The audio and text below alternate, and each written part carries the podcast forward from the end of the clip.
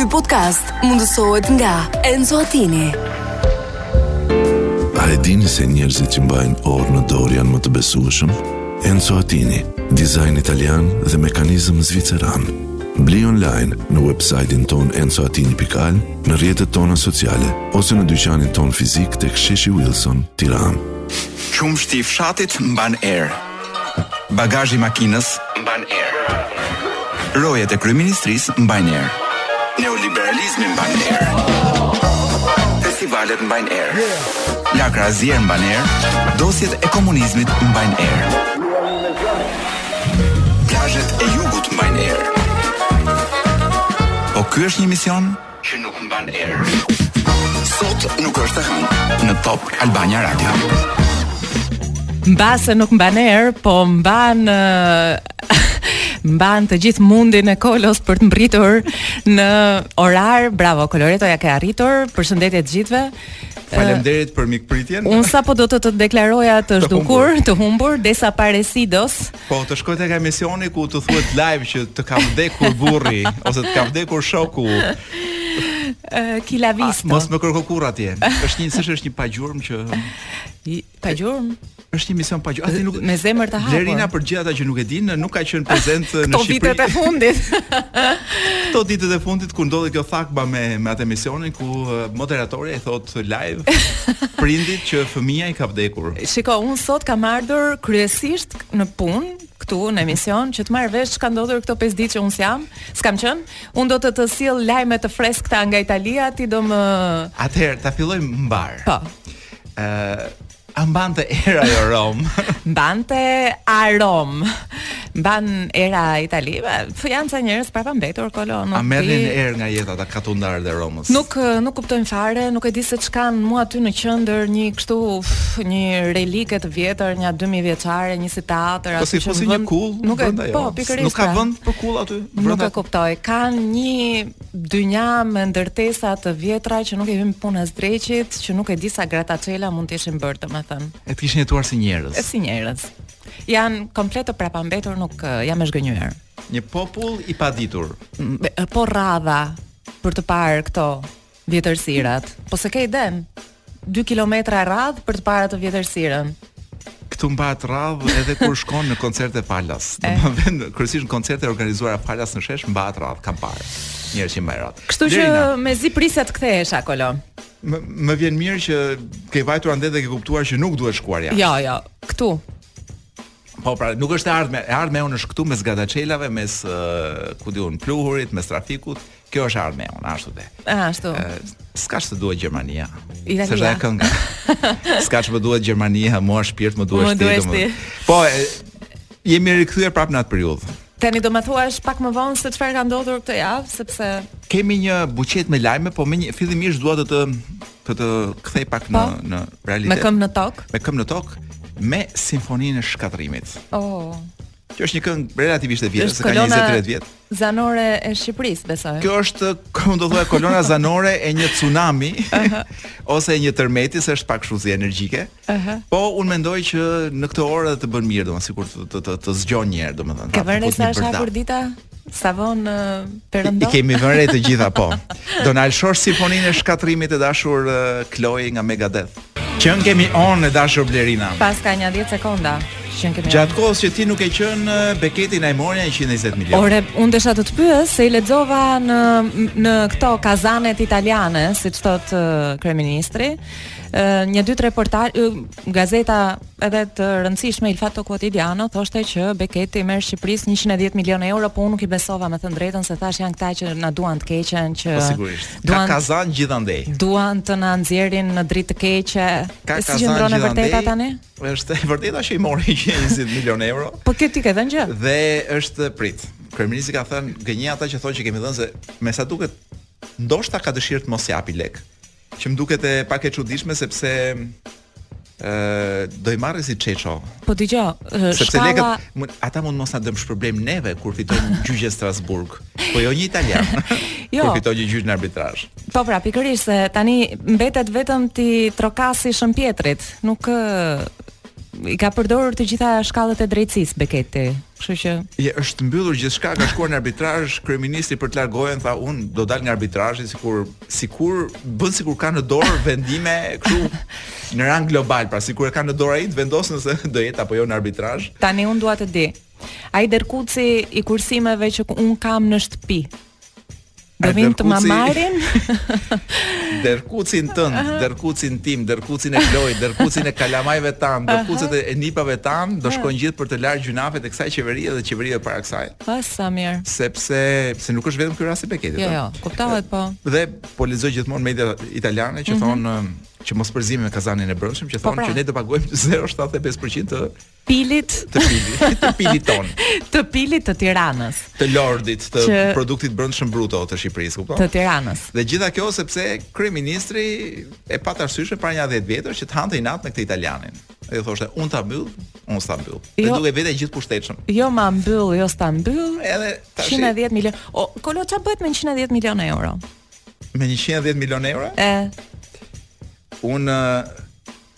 Mendoj që të marr ty, Kloin dhe shkojmë bëjmë emisionet në Karaibe.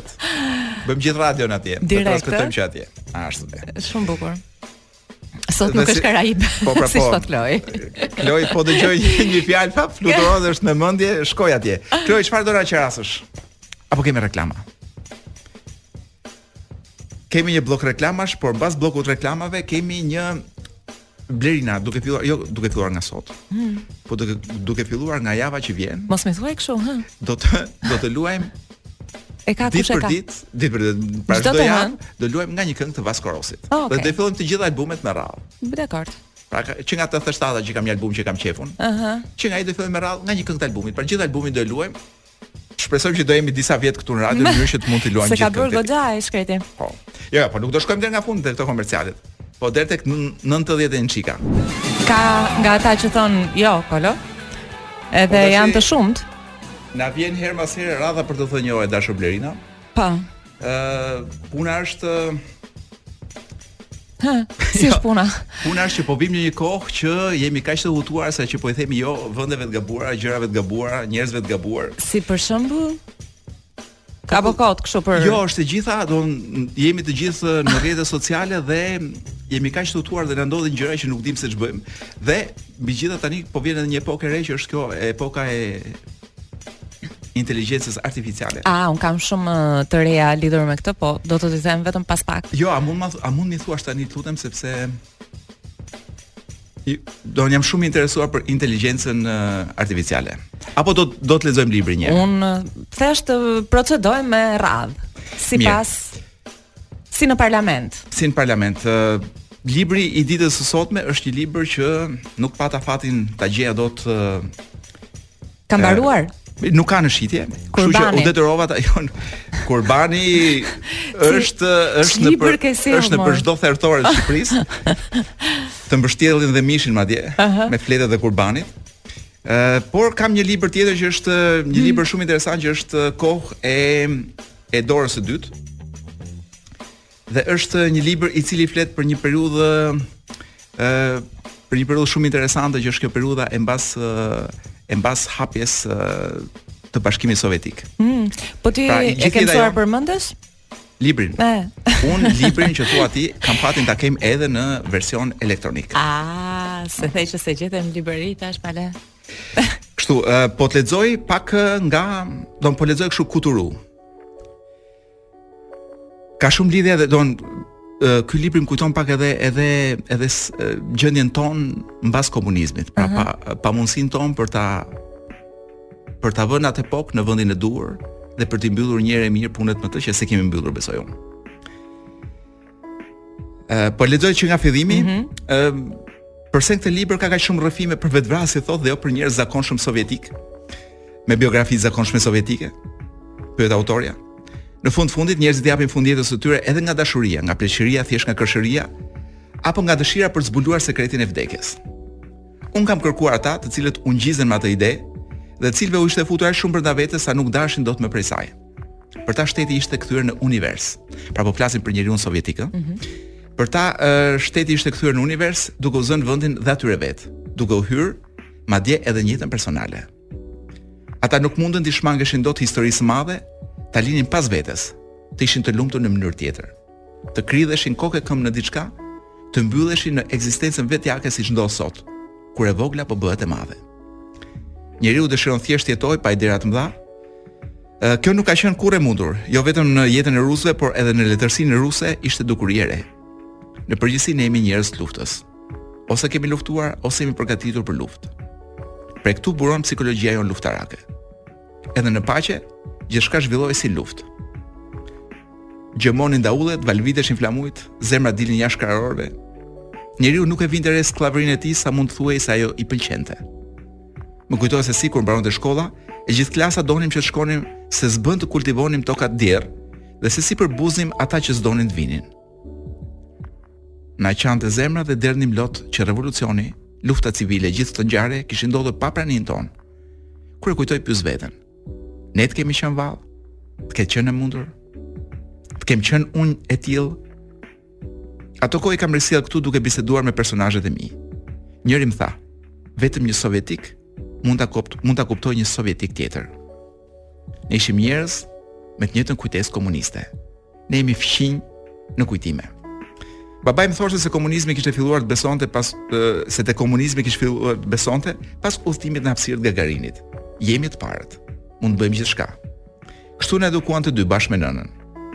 Në fillim u bëra fatose dhe mbaja atë stemën me fytyrën e fëmijës me kaçurrela. Madje u bëra pioniere e më pas komsomolase. Zhgënjimi erdhi më vonë. Pas perestrojkës të gjithë prisnin kur do të hapeshin arkivat. I hapën. Mësuam historinë që na kishin mbajtur të fshehur. Edhe citon pastaj pjesë nga arkivat. Në 100 milion njerëz që jetojnë në Rusinë Sovjetike, 90 duhet t'i bëjmë për vete. Me të tjerët as që duhet merremi fare, duhen asgjësuar. ka thënë Zinovjevi në 1918-ën. Të varen, të varen pareshtur dhe populli t'i shohë mirë, jo më pak se 100 kulakë të regjur pasunarë. T'u merret i gjithë drithi, të mbahen peng, të kryen të kryhet në mënyrë të tillë që popullata të mësojë se ç'bëhet në 100 vjorsta rrotull dhe të dridhet. Këtë ka thënë vetë Lenini, këtë pjesën me varje njerëzish. Moska po vdes për bukë në kuptimin e vërtetë të fjalës, i shkruan profesor Kuznjecovi Trockit. Kjo nuk është uri. Kur Titusi pushtoi Jezuralim, Jeruzalemin, bo bo bo, si qenkam sot me mhm. shqiptimin. Pra kur Titusi pushtoi Jeruzalemin, nënat hebreje hëngrën fëmijët e tyre. Kur unë t'i detyroj nënat tuaja të hanë fëmijët e tyre, eja ejani e më thoni që po vdesim urie. Këtë ka thënë Trocki. Dhe unë njoh nja dy njerëz në Tiranë që janë fansat më të mëdhenj të Trockit.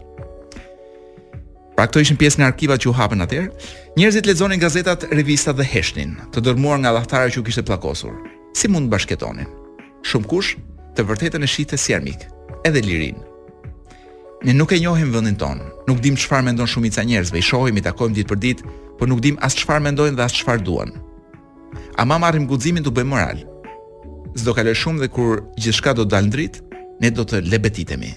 Më thoshte një i njohuri im, me të cilin rrinim e bisedonim pa fund në kuzhinën e shtëpisë sime. Shpesh edhe grindeshim, ishte viti 1991. Kohë të lumtura. Ne besonim se të nesërmen, as më shumë as më pak, por pikërisht të nesërmen do të fillonte liria. Do të niste kështu nga hiçi, nga dëshirat tona. Gjatë luftës së parë të Çeçenisë, në stacionin e trenit në Moskë u njoha me një grua e cila jetonte diku në periferi të Tambovit. Po shkonte në Çeçeni për të marrë të birin nga lufta e për ta sjellë në shtëpi.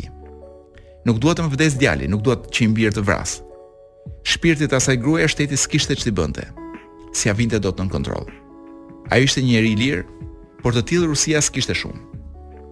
Shumicën e njerëzve liria i acaronte. Bleva tri gazeta dhe secila ka të drejtë nga ato që thotë. Ku na qenka pra e vërteta? Një herë një kohë, lexoje Pravdën dhe i dije të gjitha, i kuptoje të gjitha.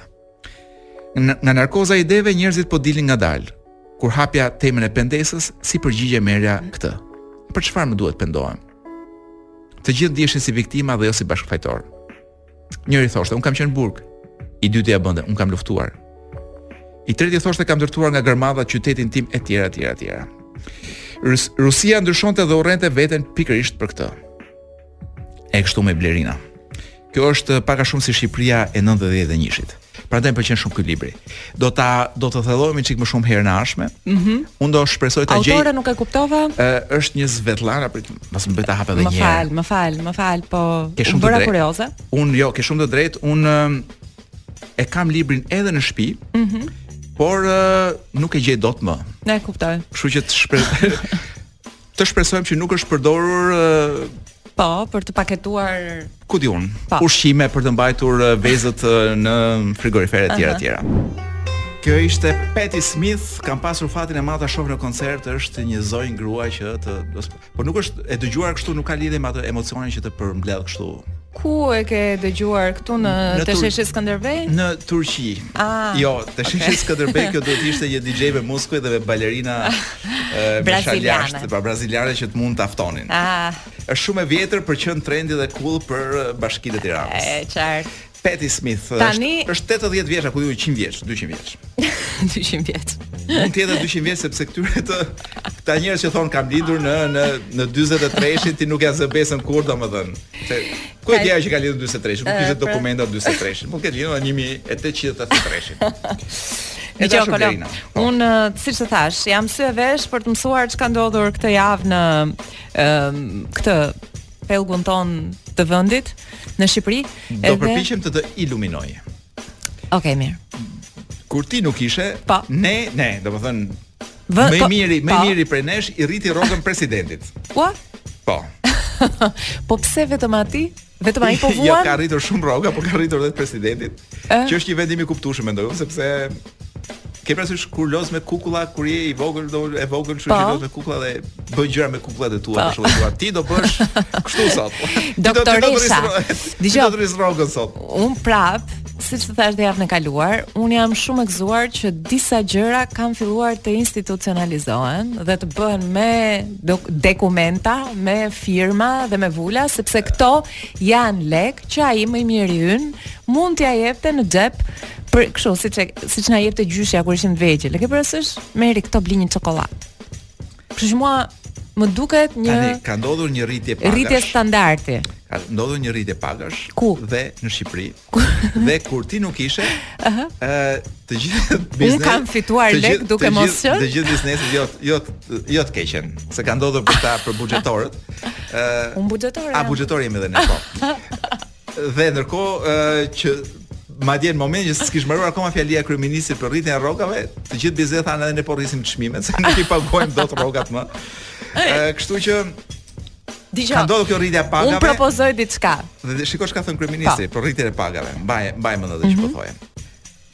Se e kanë akuzuar që pse mund t'i rrisësh, pse duhet t'i rrisësh në prag të fushatës, pra dy muaj para.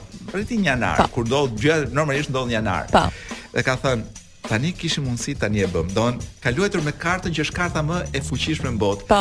Domethënë, është ky gjynafçari zemër më pra, edhe është gjynafçar, po zemrën e ka. Unë vdiqa, tash e kishim mundësi. Kam 8 vjet që mundohem për ju dhe mbas 8 vjet apo 10 sa u bënë më? 10. 200 vjet. Po, un që kur kam lindur mbaj mend vetëm Edi Ramën ta kem pasur o mret o kry, kryemret ose perandor pra mund të jap sugjerimin tim modest. Në vend që të shkojmë në duke progresuar, duke rritur çmimet dhe rrogat, un them ta bëjmë së prapti.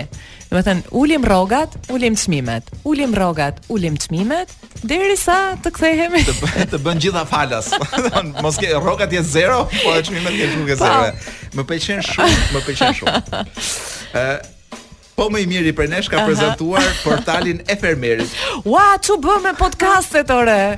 Kush ishte i ftuar i parë? Ore, s'kemi parë gjë akoma. Ka ai të ftojë më të mëdhenj se veten? Ku i gjen ai ata të ftuarit? Nuk e di ku i gjen. Nuk e di, jam shumë kurioz të di se ç'do ndodh me atë podcast. Mirë, le të mbetemi ke fermerët. Na, na dhëntë Zoti ymër për momentin, po merret me fermerët. Podcast ka prezantuar portalin e fermerit që un un besoj që tashmë jemi futur në tregun e lojrave online sepse Farmville mori fund me portalin e fermerit. Ai farmer.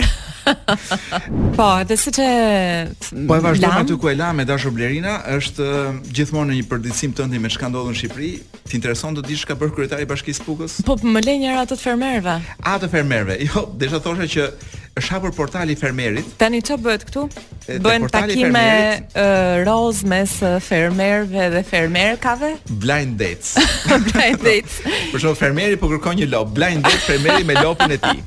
Ëh, uh, Unë mendoj që domethënë fillimisht përpara se unë e kuptoj që mirë është që të ketë gjëra po, digjitale. Ë po jam shumë kurioz të di sepse është do ideja është kjo që fermerëve t'u ofrohet informacion digjital. Mm -hmm. Për çfarë? Në kohë reale, për mm -hmm. tre, për bursën. Aha. për tregjet. Tani ë aty ku do të shesin produktet e tyre që mezi mbërrijnë nga Lushnja në Tiranë. Kryeministri e mendon e mendon fermerin si veten e vet, që rri gjithë kohën në Facebook edhe me ku di unë, edhe me desktop edhe të madh që mos i shtrembrohet shpina. Ti qafsha lekët ti sa i hap ekspozita në Japoni, në Greqi. Më the të thash. Do një ditë që rri dhe në zyrë, do të rri me një kompjuter të madh, kurse fermeri rri gjithkohë duke parë sa vajti si po lëviz bursa e peshkut. Dëgjo, unë kam një pyetje. Prit, në këtë portal do të kemi edhe analiza ushqimore. Do të kemi që shpresoj të mos jenë analiza nga këto tip opinione ushqimore. Pra çfarë mendon ti për shembull për çokokremin Për kosin Për kosin Do të ketë aty dhe skema aktive të mbështetjes dhe instrumenta financimi. Pra fshatari për këtë kish ngelur. Ëh. Uh -huh. Pa u financuar se i mungonte një portal ku të ishin gjithë këto informacione. Kur në të vërtetë që fshatari jonë të ketë akses, duhet të ketë atë zyrën që ka ai oligarku që fut nja 10 njerëz aty në zyrë dhe i fiton gjithë projektet e BE-së që vijnë për fermat, për fermat, dmth që vijnë për fshatin. Për femrat. Ai që ka mundësitë. Po pra që ka shumë femra, të cilat mund të mund të plotësojnë gjithë dokumentacionin e BE-së, që është një pirg. Kështu që kryeministri mendon që duke ia futur gjitha në një në një portal mm -hmm. fermerët tanë do të bëhen njerëz. Tani iranianët kanë passwordin e këtij portali apo jo, nuk u, jo, intereson. Unë jam i bindur që iranianët ia kanë dhënë, i kanë thënë mirë, merre përdore. ia kanë falë. Dhe një pyetje tjetër si e ka emrin uh, ai i riu që tallet me ne mbas mbas largimit të Fugës. Se unë mendova që me largimin e tij do merrnin fund edhe këto Barcaletat Unë mendoj që Fugën e kanë klonuar dhe kanë lënë një Fugë aty.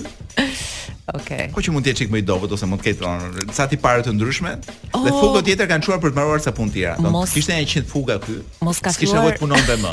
Askush në qeveri. Ishte gjithë imazh. Mos ka filluar të përdori atë chat GPT-n Ai është më i miri i Nuk do habitesha. Nuk do të krejtve, po.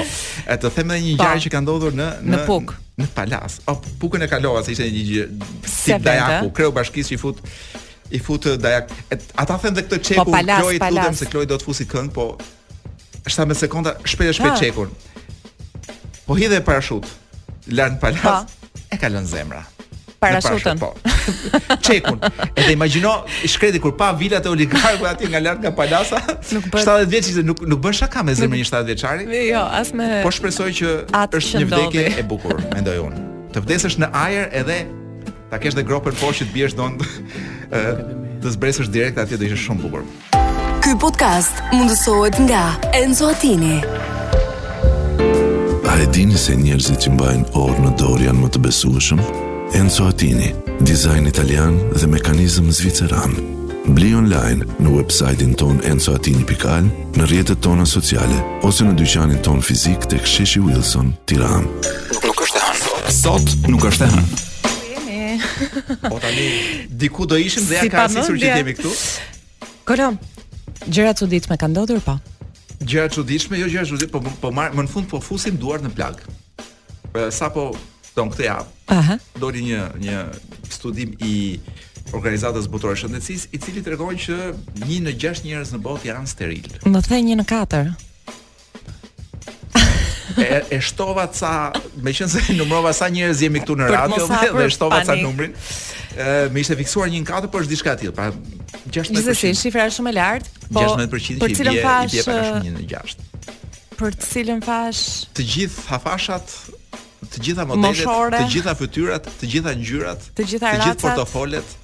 Pra nuk paska gjëja e çuditshme është që nuk ka dallim fare nëse je i lindur në Shqipëri apo në Amerikë mm -hmm. apo në pra, Suedi. Pra jemi unifikuar edhe në këtë aspekt. Pra ky është një problem global. Mbaj mend që në fillim të viteve 90 Shqipëria renditej ndër vendet më pjellore të Evropës, të paktën. Ose kështu për... kujtonim ne ndoshta. Jo, është edhe nuk edhe me numrin më të ulët të jetës, pra mesatares së jetës.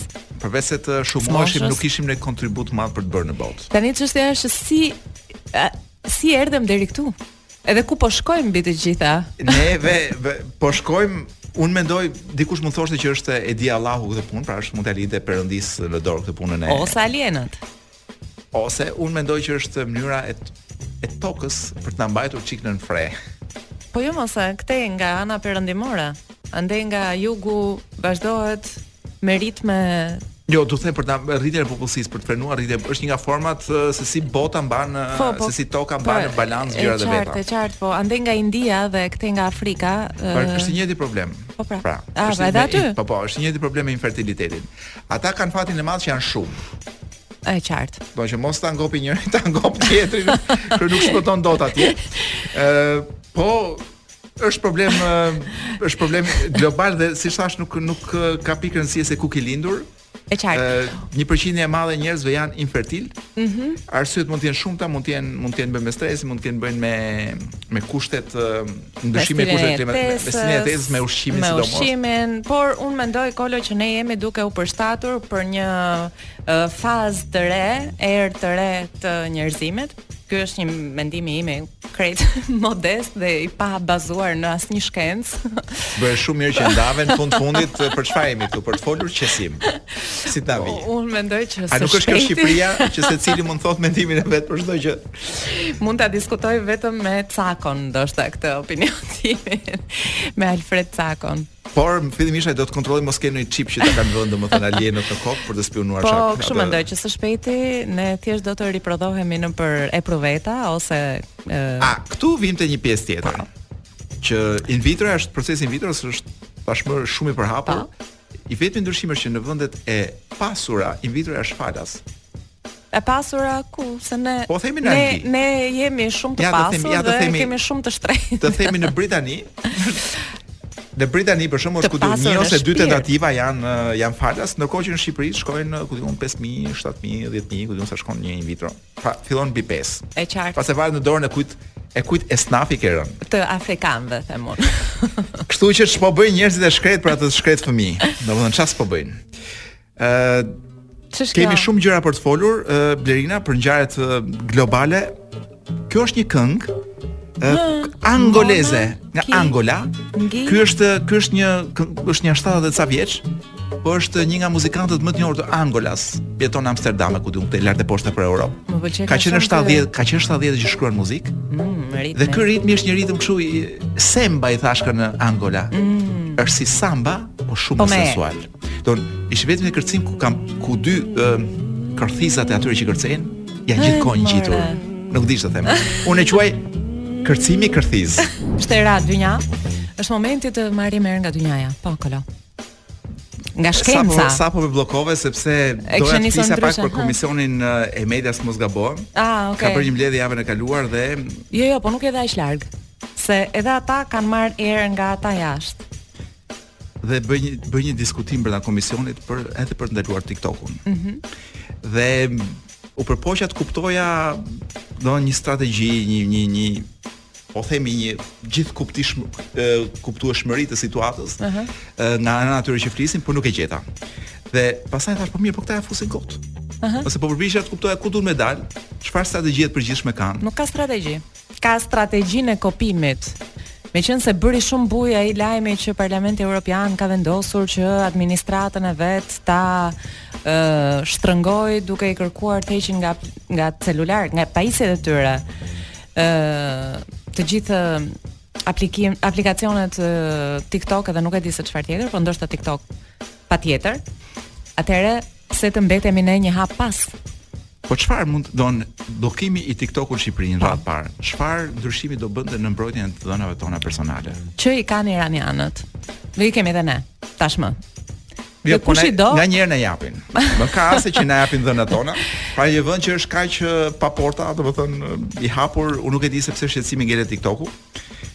Po e rëndësishme është që askush nuk kuptonte se për çfarë po fliste. Për shembull, në një moment përveç TikTokut, uh -huh. u ngrit një zotëri aty dhe tha, po mirë tha, kur do i kontrollojmë këto? Kë? Podcastet tha. Do i fusim në filtra. Ç'është kjo punë dalin gjithë për podcast? Del kryeministri bën podcast. Ishte një, pra ishte një njeri që kishte dëgjuar fjalën podcast javën e fundit dhe mm -hmm. vendosi të flasi diçka për podcastet në komisionin e medias dhe është njeri i votuar, ndoshta edhe i stërvotuar. Po. Një i zgjedhur. Ajka e jon. Ai mbase fliste pa ditur se për çfarë fliste. Fliste për podcaste dhe kush e di ç'i mendonte podcastet për shkak si ndoshta i mendonte si kanale televizive. Nuk ka rëndësi çdo gjë që bën ai më i miri për ca inatçinj dhe cmirëzinj është një gjë e keqe.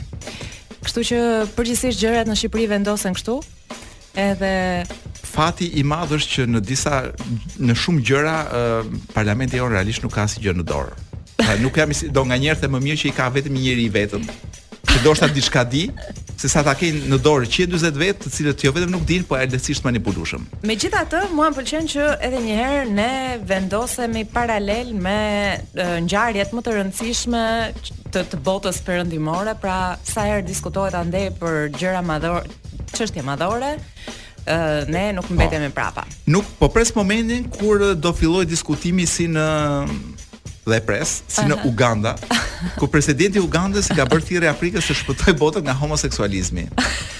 Pra ai ai e konsideron si diçka si një si përmarrje, si si mision. Po jo vetëm si mision. Mision shpëtimi. Po po themi si të mbjellësh 2 milion pemë. Po. Është diçka e bëshme po vëllai. Dy çan 2 milion pemë për po. për neve. Për, për Shqipërinë për shkak të mbjellë.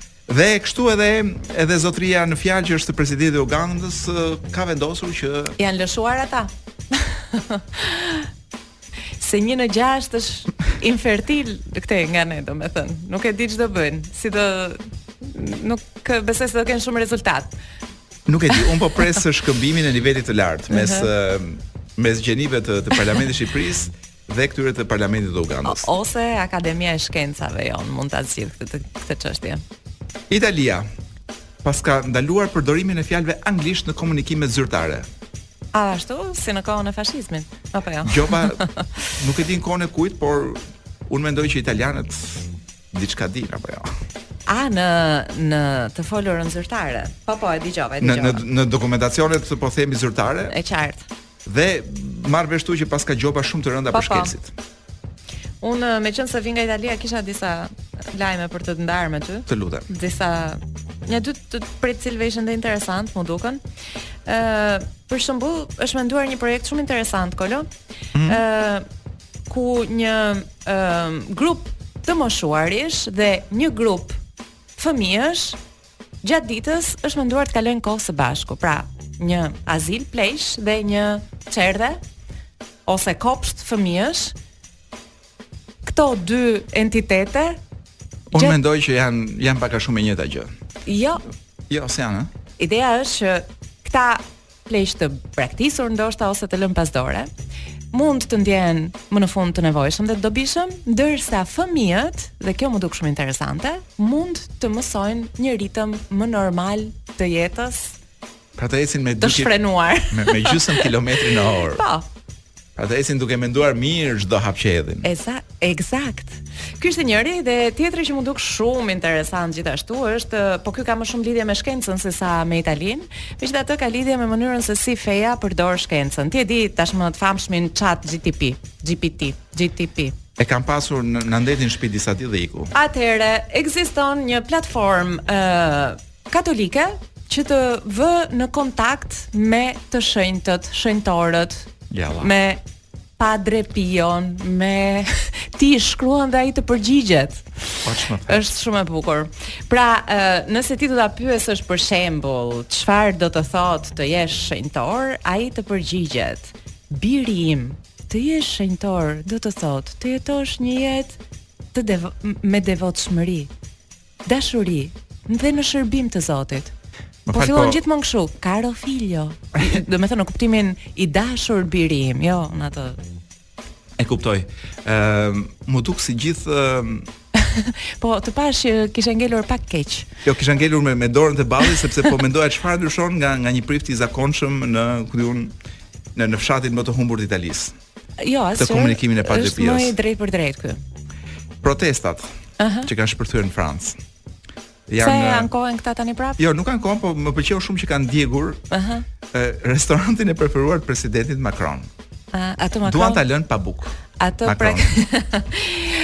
atë nuk di domethënë ç'popull paskan qenë këta ç'popull paskan qenë këta që ua rriti me një vit me dy vjet sa ua rriti edhe moshën e pensionit dhe po djegin vendin e një më popull koti se paska qenë. Ne... Në vend që të rrinë në shtëpi, e të ne... futen në Facebook dhe shajnë në Facebook si gjithë njerëzit normal, të kësaj bote dalin dhe protestojnë. Kolo neve rrogat na ka rritur, s'na ka rritur pensionin. Moshën e pensionit, kështu që çfarë do shajmë? Ë, këtu nuk para flitet për këtë punën e pensionit dhe mirë bëjnë, që mua më duket skema më më absurde, domethënë nuk di të ketë një skemë tjetër më absurde sepse e gjithë puna e E gjithë skema e pensioneve historikisht ka qenë e bazuar me idenë që njerëzit do riprodhohen. Pra gjithmonë do kemi shumë njerëz më tepër. Që rinia është fertile në të gjithë botën. Mirëpo tani, përveç që bota po tkurret dhe nuk ka fertilitet, po edhe shqiptarët ikin, pra po është bërë kjo piramida jonë është me me kokë poshtë dhe me bazë lart. Na, Kolo. Ky është ai momenti që është i mërzitshëm për disa, por është një gëzim i vërtetë për mua. që të vëmë, po themi të të vi, rivihemi në o, përveç asaj po të rivihemi në kontakt me ato rropullitë tona e, brenda mendjes sonë, e, pra të gjejmë fjalët e humbura të shqipes. Rropulli mund të jetë njëra prej tyre. Po ne jemi akoma ke aja. Po. Dhe kemi shumë rrugë deri tek rrëja. Jam tek AG-ja në fakt. Pra kam përpara meje, si çdo javë fjalorin e gjuhës së sotme shqipe në format digital. Që nuk është aq i bukur sa ç'është ai i letrës, po ai i letrës peshon si një shtatë kile. Për të gjithë ata që mezi po presin të mësojnë një fjalë të re. Agor. Është Mund të ishte edhe emër njeriu me ç'po dëgjojmë. Është shesh. Jo. Agori janë trajta që merr fytyra ose trupi sipas qëndrimit. Ua, sa bukur. Po. Vija, domethënë, vijat kryesore të një fytyre quhen agor.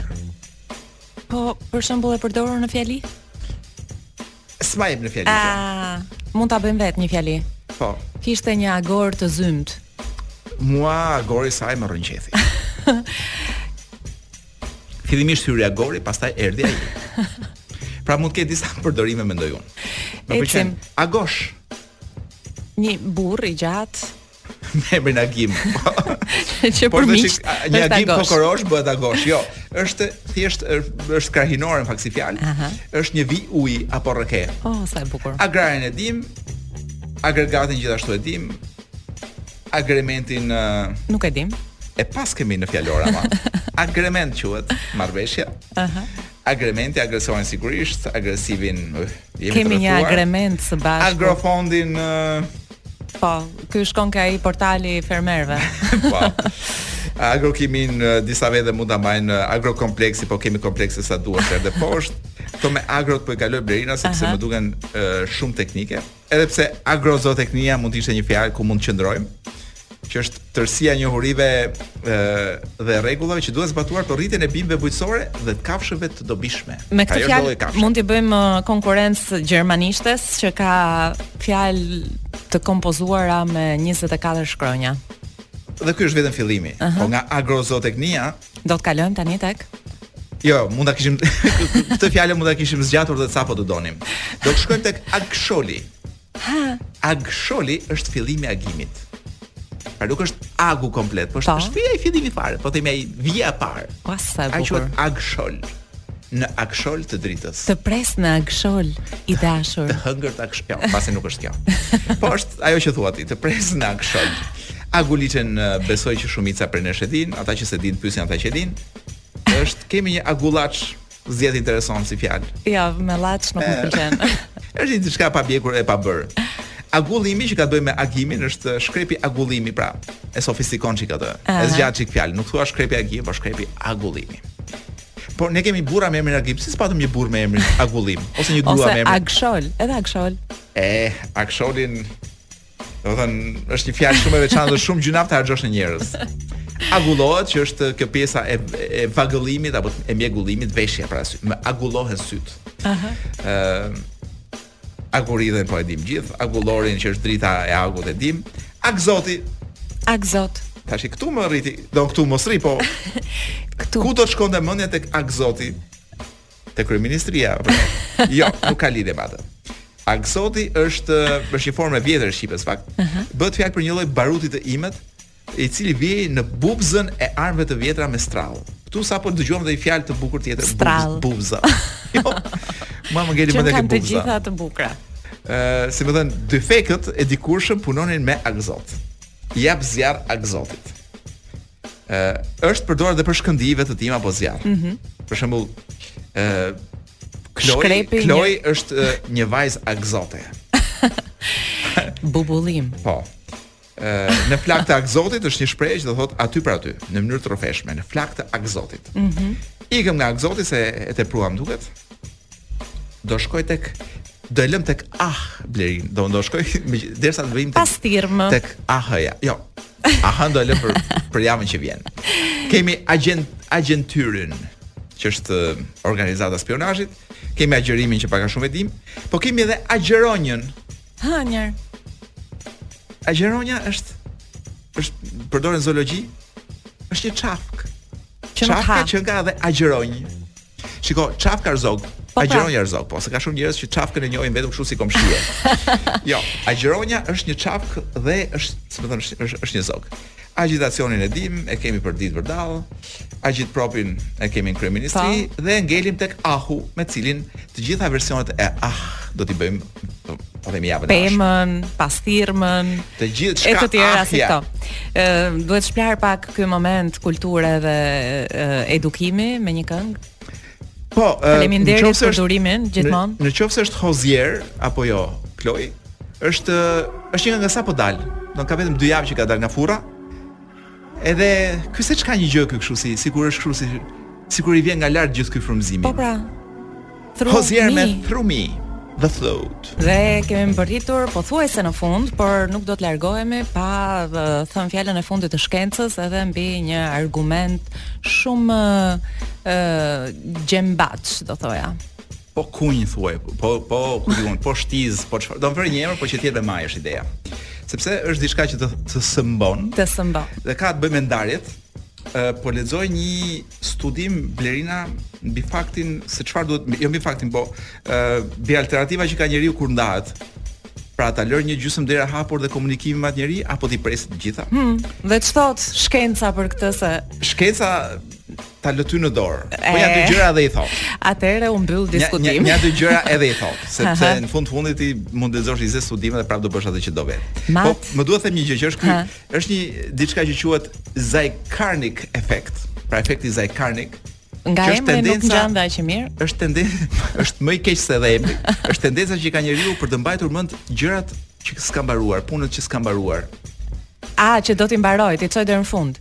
Po pra, pra truri jot të rri është diçka që të rri kështu si fiksim në kokë. Po, është ky efekti Zeigarnik, që është diçka që e ke lënë pa zgjidhur e do ta zgjidhësh. Dhe kjo është ajo që e bën njeriu që herë pas here të ketë nevojë të mbylli ato, domethënë, të japi closure i thon të huajt, po ne ku di unë të themi të ta ta ndajmë. Fundin, fundin. Si më thon të japim në fund, po kështu në mënyrë të plot, po. pra ta fshijmë një herë mirë këtë muhabet. Ëh. Mm -hmm. Tani kjo është një gjë e mirë apo një gjë e keqe? Jo, nuk mund të them që është gjë e mirë apo e gjë e keqe. E sugjerueshme. Por gjëja që thuhet është, nëse rri në kontakt me me dikë që je ndarë, ë uh, ti e pengon mbylljen. Ëh. Uh. Pra lë këtë gjënë hapur. Dhe mbyllja totale Madje këtu këshillohet që në qoftë se ai njeri nuk është as pjesë e rrethit apo shoqëror apo ku di unë e punës etj etj, mund mund ta zhdukësh edhe nga rrjetet sociale, pra nga çdo lloj forme komunikimi, sepse kjo qenka mënyra më mirë për të bërë atë mbylljen. E qartë. Nëse nuk ja dilni për të lidhur spangot, për të lidhur, ku di un, telat, fijet e, e këputura. Alternativa është të ndroni shtet. Tani në qoftë se të... e, nuk ja del dot. E në një vend si Shqipëri, në Tiranë ndoshta un them që edhe mund t'ja dalësh pak sepse ka ca alternativa rrugësh. Në Përmet kam frikë që nuk do e shmangje dot pa u përballur 10 herë në ditë. Sa që është dy pëllëmbë, dy pëllëmbë vend është.